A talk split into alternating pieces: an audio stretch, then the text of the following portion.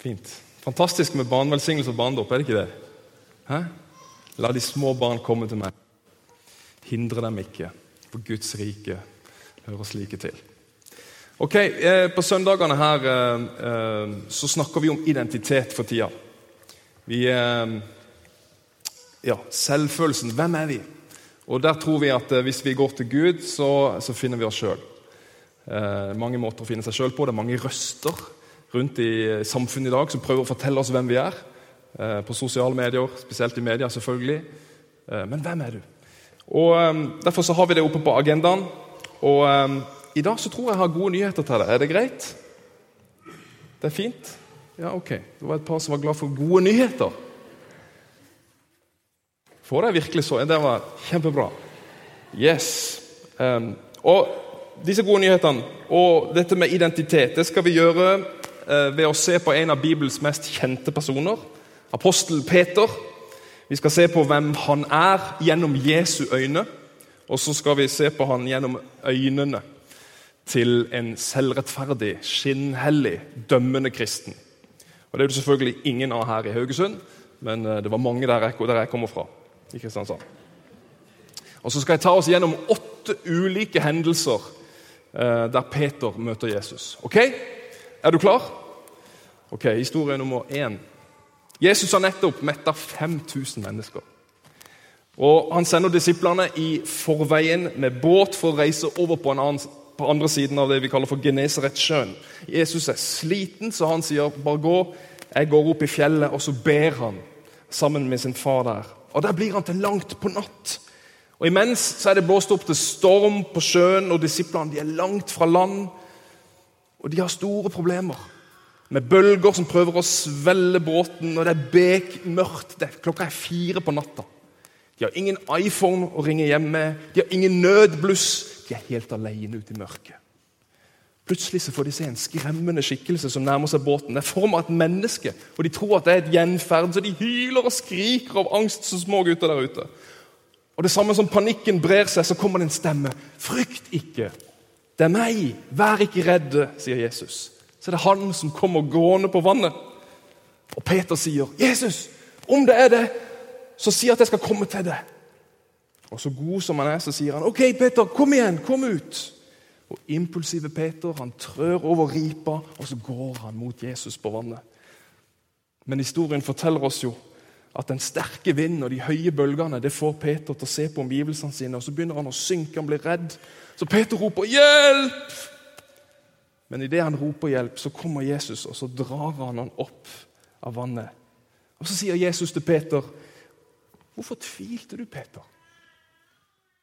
Hvorfor hadde du ikke tro? Jeg sa jo 'kom'. Skulle jeg liksom la deg drukne? Så stiger de opp i båten, and the rest is history. Så kan jeg høre den selvrettferdige, skinnhellige kristne stemmen si, 'Peter, for en svak tro du har.' Jesus mener, Jesus surfer på bølgene på Ganesaretsjøen med bare fotsålen og sier 'kom igjen, bli med'. Og så lar du omstendighetene påvirke deg. Hvordan kunne du tvile når du faktisk står på vannet med Jesus? Tror du virkelig at Jesus ville la deg drukne? Historie nummer to. Jesus begynner etter hvert å fortelle sine disipler om hva som skal skje med ham, korsfestelsen osv. Og Han sier folkets ledere, øverste prestene, de skriftlærde, de kommer til å la meg lide mye. De kommer til å drepe meg, sier Jesus. Og Da tar Peter Jesus til side. Så irettesetter han sin mester og herre. Så sier han, 'Herre, dette må aldri skje med deg.' Ikke snakk sånn engang. Det kommer aldri til å skje. Og Jesus svarer øyeblikkelig tilbake. 'Vik bak meg, Satan. Ikke frist meg.' ikke ødelegg det Gud vil med livet mitt. Peter, du har ikke en tanke for det Gud vil, men bare for det som mennesker vil. Du vet ikke hva du snakker om. Ro deg ned, litt sånn. Sterke ord. Jesus ga Simon, som denne personen het, navnet Peter, som betyr stein eller klippe. Og nå var han blitt en snublestein for Jesus. Hvorfor? At Jesus er så brutal her fordi han visste at han kom for å lide og for å dø. Han måtte gå den tunge veien. Det var hans kall. Mens vi syndige mennesker vi dripes jo dypest sett av selvopprettholdelse. Gjør vi ikke det? Vi søker den minste motstands vei. Vi har behov for å bevare meg og mitt. Vi har ikke lyst til å henge på korset. Vi vil ikke dø. Vi vil ikke legge ned våre liv. Men Peter tror han gjør noe klokt. Han vil beskytte Jesus. Han forstår ikke at han snakker ut ifra sitt eget behov, uvitende at han faktisk er Satans verktøy og en snublestein for Gud selv. Jeg mener Det må jo ha vært en reell fristelse for Jesus å ta en annen vei når han sier det så sterkt som han gjør. Kom deg vekk. Du får ikke meg til å snuble og feile. Og Legg merke til at han etter denne hendelsen sier i Matteus 16.: Om noen vil følge etter meg, da kan han ikke lenger tenke på seg selv, men han må følge mitt eksempel og være beredt til å dø. Ja, den som klamrer seg fast til livet, vil til slutt miste det. Men den som mister sitt liv for min skyld, skal finne det. Så kan jeg høre den dømmende stemmen si, 'Peter, du rota det til.' Du klarte faktisk å være djevelens hjelper, du. Du har bare fokus på dine egne behov. Prøver faktisk å hindre Jesus i å gjøre det han kom for å gjøre. Hvordan kan du være en disippel etter dette? Du irettesatt Jesus Kristus. Hvilke disipler gjør egentlig det? Forstår du ingenting? Peter, du er en løs kanon på dekk. Historie 3. En annen dag tar Jesus, Peter, Jakob og Johannes opp på et høyt fjell. Det som skjer, er helt utrolig. Plutselig så blir Jesus forvandla foran øynene på dem. Ansiktet lyser som sol, klærne blir hvite som snø, eller den stråleglans står det om. Plutselig så kommer Moses og Elia, sånne gamle testamentlige kjendiser. De kommer til syne, og de samtaler der sammen, alle tre.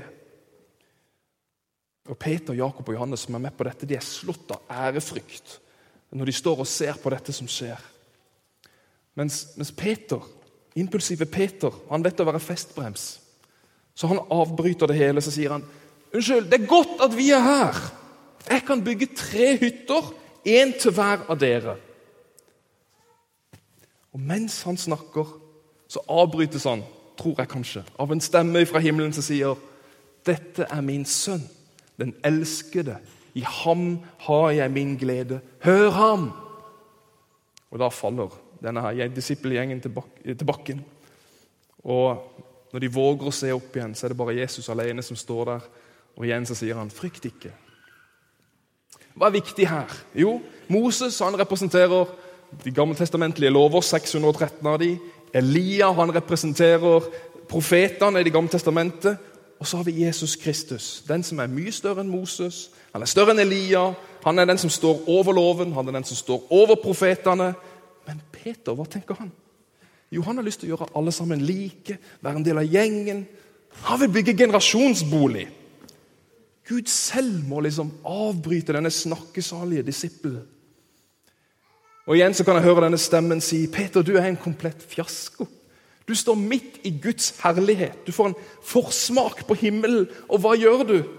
Du avbryter den gode stemningen, kommer med dårlige forslag må du alltid være i fokus, Peter. Du burde kanskje være litt mer ydmyk. Historie fire. En dag så møter Jesus en rik, ung mann. Han er veldig rik. Han spør, 'Hva godt skal jeg gjøre for å få evig liv, Jesus?' Ja, så sier Jesus, 'Du må følge budene, de gammeltestamentlige budene.' Mannen sier, 'Men det har jeg allerede gjort.' 'Hva mer må jeg gjøre?' Jo, så sier Jesus jo, du kan gjøre en ting til. Du kan gå og selge alt du eier, og gi det til de fattige. og Så kan du komme og følge meg. Men den rike mannen han innser at det koster han for mye, så han går trist bort. Jesus så jo mest, mest sannsynlig inn i denne mannens hjerte, selvfølgelig. Denne avguden i mannens liv, formuen. Og Den satte han ut av stand til å stole på Gud og på å følge ham. Og Etter at denne mannen har gått, så spør Peter, 'Herre, hva med oss, vi som ikke er som han?' Opptatt av penger, mener. Vi er jo ikke det.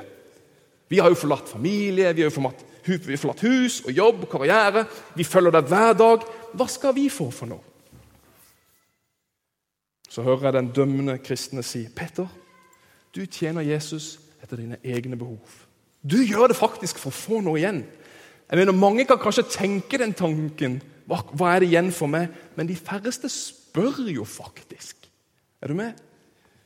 Du avslører jo hvor egoistisk du er, Peter. Det er kjærlighet som skal prege en disippel, ikke egne behov. Hvordan kan du være en disippel når du er sånn som dette? her? Historie 5. Det nærmer seg Jesus sine siste timer før han dør. Han er sammen med disiplene en kveld, og så sier han i natt kommer dere alle til å forlate meg, for det står skrevet 'Jeg vil drepe gjeteren, og saueflokken skal bli spredt'. Han siterer fra Det gamle testamentet. Så utbryter Peter. 'Aldri, Herre! Det der skal ikke skje.' Og selv om de andre skulle forlate det, så skal jeg aldri forlate det. Jeg skal stå ved din side helt til slutt. Om jeg, om, jeg, om jeg, til og med må dø med deg, så skal jeg stå med deg. Jesus, jeg skal ikke fornekte deg. Så snur Jesus etter Peter og sier han, Peter, ikke bare skal du forlate meg, men du skal fornekte meg. Før hanen galer, har du gjort det tre ganger. Ikke én gang, men tre ganger. Igjen kan jeg høre den dømmende stemmen si, Peter, du har null selvinnsikt. Du tror at du elsker Jesus, men det gjør du ikke. Du spiller et spill vi alle har avslørt. Vi hører jo fra Jesus hva som skal skje her. Og du nekter faktisk for det. Du lyver, Peter. Historie 6. På den tyngste kvelden i sitt liv, før Jesus dør, så tar han med seg disiplene sine til hagen Getsemane, som betyr oljepresse. Ordet Getsemane betyr det. I denne hagen så blir Jesus virkelig pressa til det ytterste. Han kjemper den siste kampen om han er villig til å gå inn i døden frivillig. Og Han ber den kjente bønnen Far, ikke min vilje, men din vilje. Det kan umulig ha vært lett. Jesus er desperat, han er i dødsangst, han er i sorg, han svetter blod. Og Så spør han da en av sine tre mest betrodde disipler, Peter, Jakob og Johannes, om å be for ham. Bli med meg litt nærmere inn i hagen og be for meg om at jeg ikke skal komme i fristelse. Så går Jesus lenger inn i hagen og ber mens han har oppretta denne eh, bønnegruppa. Og Der ber han, blodet og svetten renner. Så kommer han tilbake til disiplene. Og hvem er det han roper på da? Peter, du som er leder av flokken, sover du? Peter sov. Klarer du ikke å støtte meg? på mine vanskeligste time, på min verste kveld i livet. Jeg mener, Vi har fulgt hverandre i tre, over tre år, og den timen jeg trenger det mest, så sover du, Peter. Dette skjer jo ikke bare én gang. Det skjer tre ganger. Og igjen så kan jeg høre den dømmende stemmen si, 'Peter, for en lite åndelig mann du er.' Du sover når Jesus spør deg om å be. Finnes det noe form for hengivenhet i det? Har du forstått noe i det hele tatt når Herren din trenger deg som aller mest, på vei inn i lidelse og død, så ligger du her og sover? Historie 7. Romerske soldater stormer plutselig Getsemane. De tar Jesus til fange. Og impulsive Peter han drar kniven sin og Så hogger han til mot en av soldatene hans hode. Han treffer øret. Og Jesus roper til Peter og ber han stoppe. Og Før de river Jesus med seg, så rekker han en hånd ut og helbreder denne soldatens øre. Peter forsto aldri korset. Han kjempa imot det fordi han ville ikke gå den veien sjøl. Og Nå hører jeg den dømmende stemmen rope. Peter, du er mislykket. Du forstår ikke hva kjærlighet er. Tror du virkelig Jesus må beskytte seg sjøl? Må beskyttes? Tror du han er avhengig av din hjelp? Den store leders siste liksom, forsøk på å vise hva han duger til. Og så er det på denne måten du er en vandal, Peter. Historie åtte. Mørkeste av alt. Peters fornektelse. Husk, Jesus sa at 'den som fornekter meg for mennesker', skal jeg fornekte for min far i himmelen. Alvorlige ord. Jesus føres vekk, og Peter er den eneste som følger ham, dog på lang avstand. Hør på dette. Peter sto ikke overfor en øverste prest eller en eller annen offentlig person med makt og rang når han fornekter. Nei, han står rundt et bål med noen tjenestepiker eller slaver rundt der som plutselig Hei, er ikke du en av hans disipler? Nei, jeg kjenner han ikke. Jeg har aldri sett han før. Enda en tjener spør. Nei, nei, nei, jeg kjenner han ikke. Og En tredje gang så gjenkjennes han, og nå banner og sverger Peter. Ikke pip om jeg kjenner Jesus! Jeg har aldri vært en av hans venner. Og I det samme så galer hanen, og så står det faktisk at Jesus snur seg og ser Peter. Og Peter innser hva han har gjort. Og han løper vekk, og han gråter bittert. Og Nå er den dømmende stemmen fra den selvrettferdige kristne blitt et kor. Peter, du er en komplett fiasko. Du er ikke verdig til å være en kristen. Du har fornekta han. Og så for en liten slave du. Det er en feiging. Skam for Gud selv. Du er diskvalifisert. Ikke lenger verdig å være hans. Jesus tortureres. Han dør en langsom og ensom død på et kors. Og Søndag morgen så går noen av de kvinnelige disiplene til å se til graven. De finner graven åpen, de går inn. Der møter de en engel som sier følgende Jeg tror jeg har det bibelverset oppe. Men han sa til dem, vær ikke forferdet. Dere søker Jesus fra Nasaret, den korsfestede. Han er oppstått. Han er ikke her. Se, der er stedet hvor de la ham. Men gå av sted og si til hans disipler og Peter han går i forveien til dere til Galilea. Der skal dere få se ham slik han sa til dere. Hva står det for noe? Han sa ikke 'gå og fortell disiplene og Jakob og Johannes' etc. Han sa 'gå og fortell disiplene og Peter'. Hvorfor Peter? Han er jo en fiasko. Men fortell spesielt Peter. Vi tror jo at engler eller Guds ord sier engler er Guds sendebud, så her må jo meldingen være klar. Gud vil at Peter skal vite at Jesus har tenkt på ham. Han er ikke glemt. Han er ikke fordømt. Peter måtte få vite dette med en gang. Det kunne ikke vente. Og Med dette, disse to ordene så blekner på en måte Peters feil. De var nagla til korset. Guds nåde har aldri vært tydeligere. Hans feil og mangler forsvinner som dugg for solen den morgenen. Er du enig? For en Gud. Og Peter. Noen uker seinere er Peter ute og fisker sammen med de andre.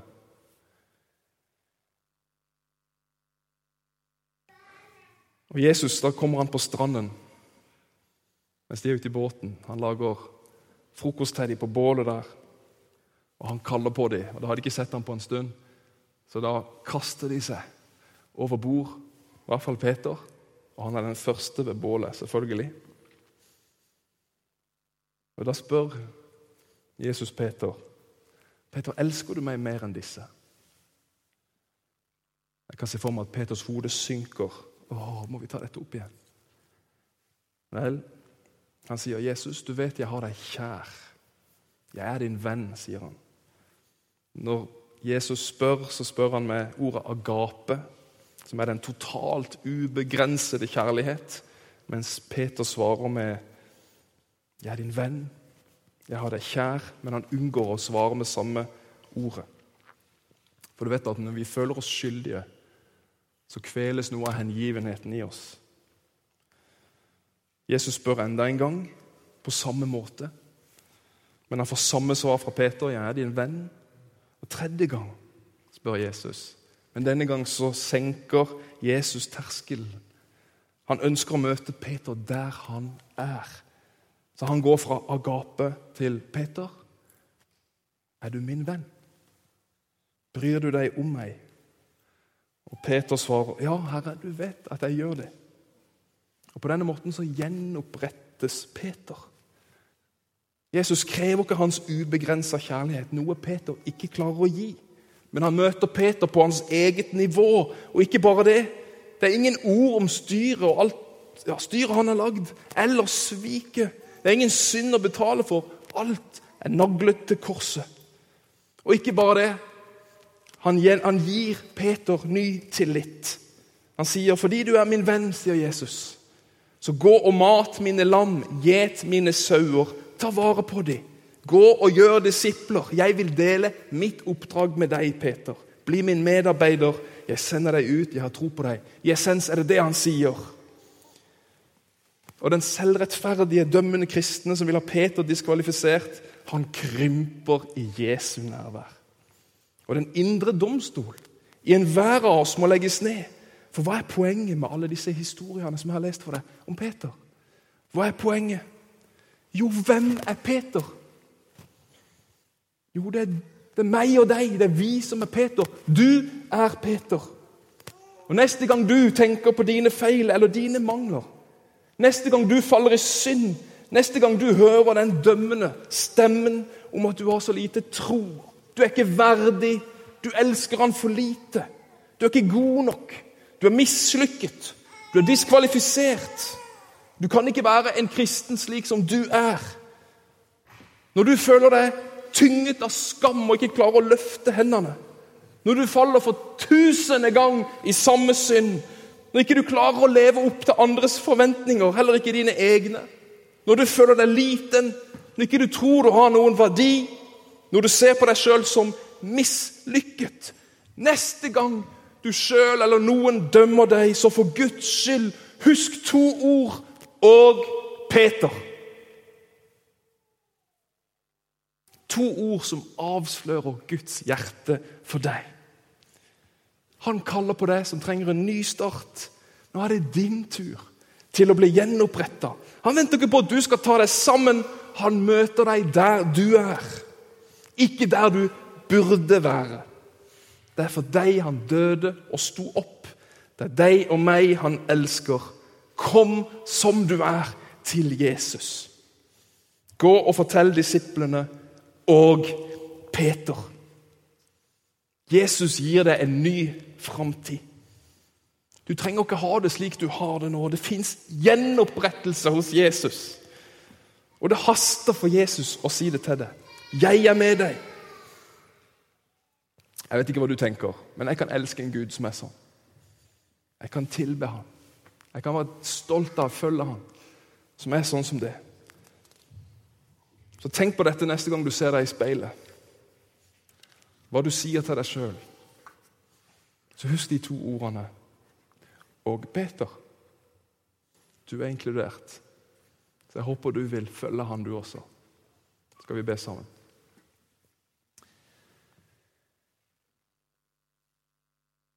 Herre, takk for uh, ditt ord. Herre, takk for at du uh, på korset har gjort det mulig for oss å leve sammen med deg. Takk, Herre, for at du kan gjenopprette ethvert menneske. Og Herre, takk for at det gode nyheter i dag er at du, Herre, har nåde nok til oss alle. Om ikke vi takler livet, om ikke vi klarer å leve slik vi vil, om vi har en fordømmelse over vårt liv, eller om andre har fordømt oss, så setter du oss fri. Takk for dette ordet, Herre. Må du velsigne oss alle. Amen.